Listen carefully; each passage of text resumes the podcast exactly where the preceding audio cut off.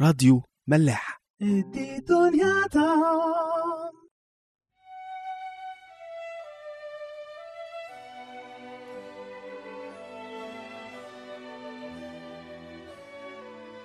مساء الخير واهلا بيكم في حلقة جديدة من عيش وملح. خلصنا آخر مرة الاصحاح الثالث واللي حكى لنا عن البدء في بناء السور. إزاي إنه السور اتقسم على كل أطياف الشعب؟ كهنة ولويين ومتغربين وتجار وساغة وحتى البنات كان ليهم دور في البنى. ده ورانا إزاي إنه ربنا بيدينا كلنا المواهب عشان يكون لنا دور في العمل اللي بيدعونا ليه. بس يا ترى اليهود هيتسابوا ويبنوا كده في سلام؟ أكيد لأ. خلونا نكمل ونشوف بقى هيحصل إيه. إدي دنيا ضخم سفر نحمية للصح الرابع من أول عدد. ولما سمع سنبلط إننا أخذون في بناء السور غضب واغتاظ كثيرا وهزأ باليهود. وتكلم أمام إخوته وجيش السامرة وقال ماذا يعمل اليهود الضعفاء؟ هل يتركونهم؟ هيسيبوهم يعني يكملوا كده؟ بيقدموا ذبايح فاكرين ده هيخليهم يعني يكملوا السور؟ هل يكملون في يوم؟ هل يحيون الحجارة من كوم التراب وهي محرقة؟ بيحاول يهبط فيهم بأي شكل. وكان طبي العموني بجانبه فقال إن ما يبنونه إذا صعد ثعلب فإنه يهدم حجارة حائطهم التطور الطبيعي لأي حاجة كويسة بنعملها هي إن الشيطان يحسدها يبقى عايز يوقفها أو يهدمها. وده شفناه كتير يعني في الكتاب ويمكن اللي سمع حلقات عزرا هيلاقي نفس السيكونس ده بالظبط. الناس تشتغل تفرح شوية باللي عملته ويبتدي الشيطان يحسد من خلال الناس اللي تابعه الناس الضعيفة ايا كان ويحاول إنه يوقف العمل ده. ويمكن بقى المرة دي التفاصيل اللي بنشوفها بتدور جوه كواليس السامريين واللي معاهم بتورينا عينة كده من اللي بيبقى حاسس بيه الشيطان من أصغر حاجة بنعملها أو أقل خطوة بناخدها في الطريق الصح. يعني شوفوا كلام طوبيا في الآخر بيقول إن اللي بيبنوه ده ولا حاجة. لو ثعلب طلع فوقيه هيهده بس طبعا سنبلط اللي هو القائد بتاعهم كان شايف أبعد من كده. حس إنه العمل ده شكله كده هينجح. حتى وهو في أوله. أنتوا واخدين بالكم؟ وعشان كده غضب واتغاظ جدا. وقال إيه ده؟ هما العالم دي هتتساب كده؟ هينجحوا ولا إيه؟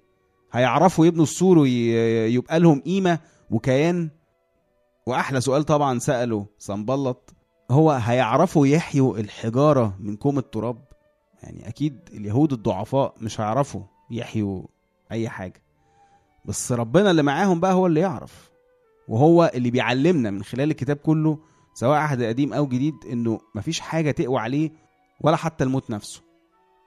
ولو الحاجة دي ماتت وشبعت موت ربنا يقدر وبإيدينا يديها حياة. زي حتة بنقراها كتير موجودة في حسقيال 37 ربنا بياخد حسقيال في رؤية وبيخليه يتنبأ على العظام الجافة وبيرجعها أجسام حية وبروح ومش بس كده بقت على وصف الكتاب جيش عظيم جدا جدا. وده يورينا بقى حاجتين مهمين قوي. أول حاجة إن ربنا يعني بيستمتع إنه يعمل في الحاجة الضعيفة الميتة. إنه يخلق حاجة جديدة حية من التراب. ليه؟ عشان مجده بيبان. ولما مجده بيبان إحنا إيماننا بيتضاعف. والناس كلها بتشوف اللي حصل ده وتشهد إن ده مش ممكن يكون عمل إنسان. لا ده بلا شك بإيد ربنا.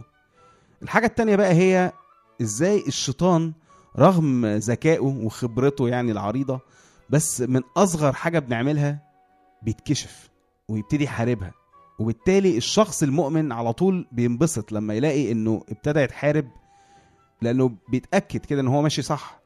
فسواء على المستوى الشخصي الروحي يعني أو على مستوانا كلنا كبلد زي ما بنقول كتير اليومين دول بص كده حواليك وافهم إنك طالما بتتحارب تبقى أنت ماشي صح. لأنك لو ماشي غلط هتتحارب ليه؟ ما تتساب تمشي غلط أحسن.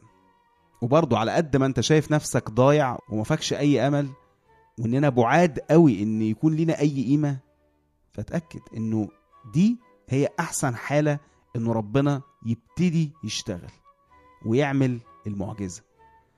في كورنثوس الثاني صح 12 يقول لنا كده فقال لي اللي هو ربنا بيكلم بولس يعني تكفيك نعمتي لأن قوتي في الضعف تكمل.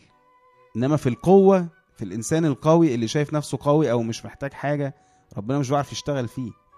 إنما في الإنسان الضعيف ربنا يشتغل. قوته بتكمل. فبولس بقى بيعلق على الكلام ده فبيقول فبكل سرور أفتخر بالحري في ضعفاتي. لكي تحل علي قوة المسيح. أنا في الحالة دي ده أنا أجيب ضعفاتي كده وأقعد أفتخر بيها عشان ربنا يشتغل فيا. لذلك أصر بالضعفات والشتائم والضرورات والاضطهادات والضيقات لأجل المسيح. ليه بقى؟ لأني حينما أنا ضعيف فحينئذ أنا قوي. لأن القوة ساعتها هتيجي من المسيح. نكمل. اسمع يا إلهنا. ده بقى نحامية ابتدى يصلي ردا على كلام سنبلط واللي معاه. اسمع يا إلهنا لأننا قد صرنا احتقارا. ورد تعييرهم على رؤوسهم.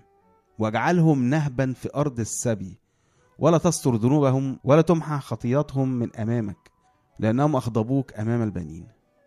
أحسن رد للشيطان وتعييره هو إنك تديله ظهرك وتروح لربنا.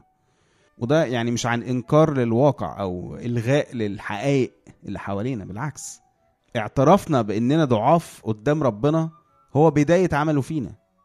وده اللي عمله نحامية بالظبط قال له رب إحنا اتهنا. فرد أنت بقى الإهانة دي عليهم على اللي بيهنونا وبيستحقرونا وبيحاربونا ومش عايزيننا ننجح ابدا. ومتنساش اللي عملوه معانا ده.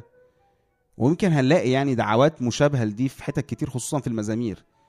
وتخلينا نتساءل هو الكلام ده مش ضد المحبة والتسامح؟ لا طبعا. لأنه الكلام ده مش متقال بهدف شخصي وده اللي بيفسره نحمي في الآخر بيقول لأنهم أغضبوك أمام البنين. لأن إهانتهم دي ونجاحهم إن هم يحبطوا الشعب هيمنع مجد ربنا. بالتالي إيمان الناس هيضعف. فهو كأنك بالظبط بتقول لربنا كده وريهم يا رب أنت مين. عرفهم حجمهم. وإنه اللي يحاربك ده لازم يتجازى. وفي نفس الوقت بقى لما ربنا بيستجيب للدعوات دي فده ما بيبقاش عشان بينتقم لشخصه أو عشان يرضي كبرياءه إنما عشان برضه الإنسان الضعيف ما يفقدش إيمانه. لأنه عدل ربنا هو تأديب للشرير فيتوب ورجاء لمنتظريه فإيمانهم يقوى. لو شايف أي ظلم أو افتراء أو جبروت اوعى تصعب عليك نفسك وتحس ان هي الدنيا كده بقى خلاص. لا روح لربنا واطلب عدله وهو هينفذه مهما طال الوقت. مزمور 31 أعداد واحد واتنين. داود يقول كده عليك يا رب توكلت لا تدعني أخزى مدى الدهر بعدلك نجني. أمن إلي أذنك سريعا أنقذني. كن لي صخرة حصن بيت ملجأ لتخليصي.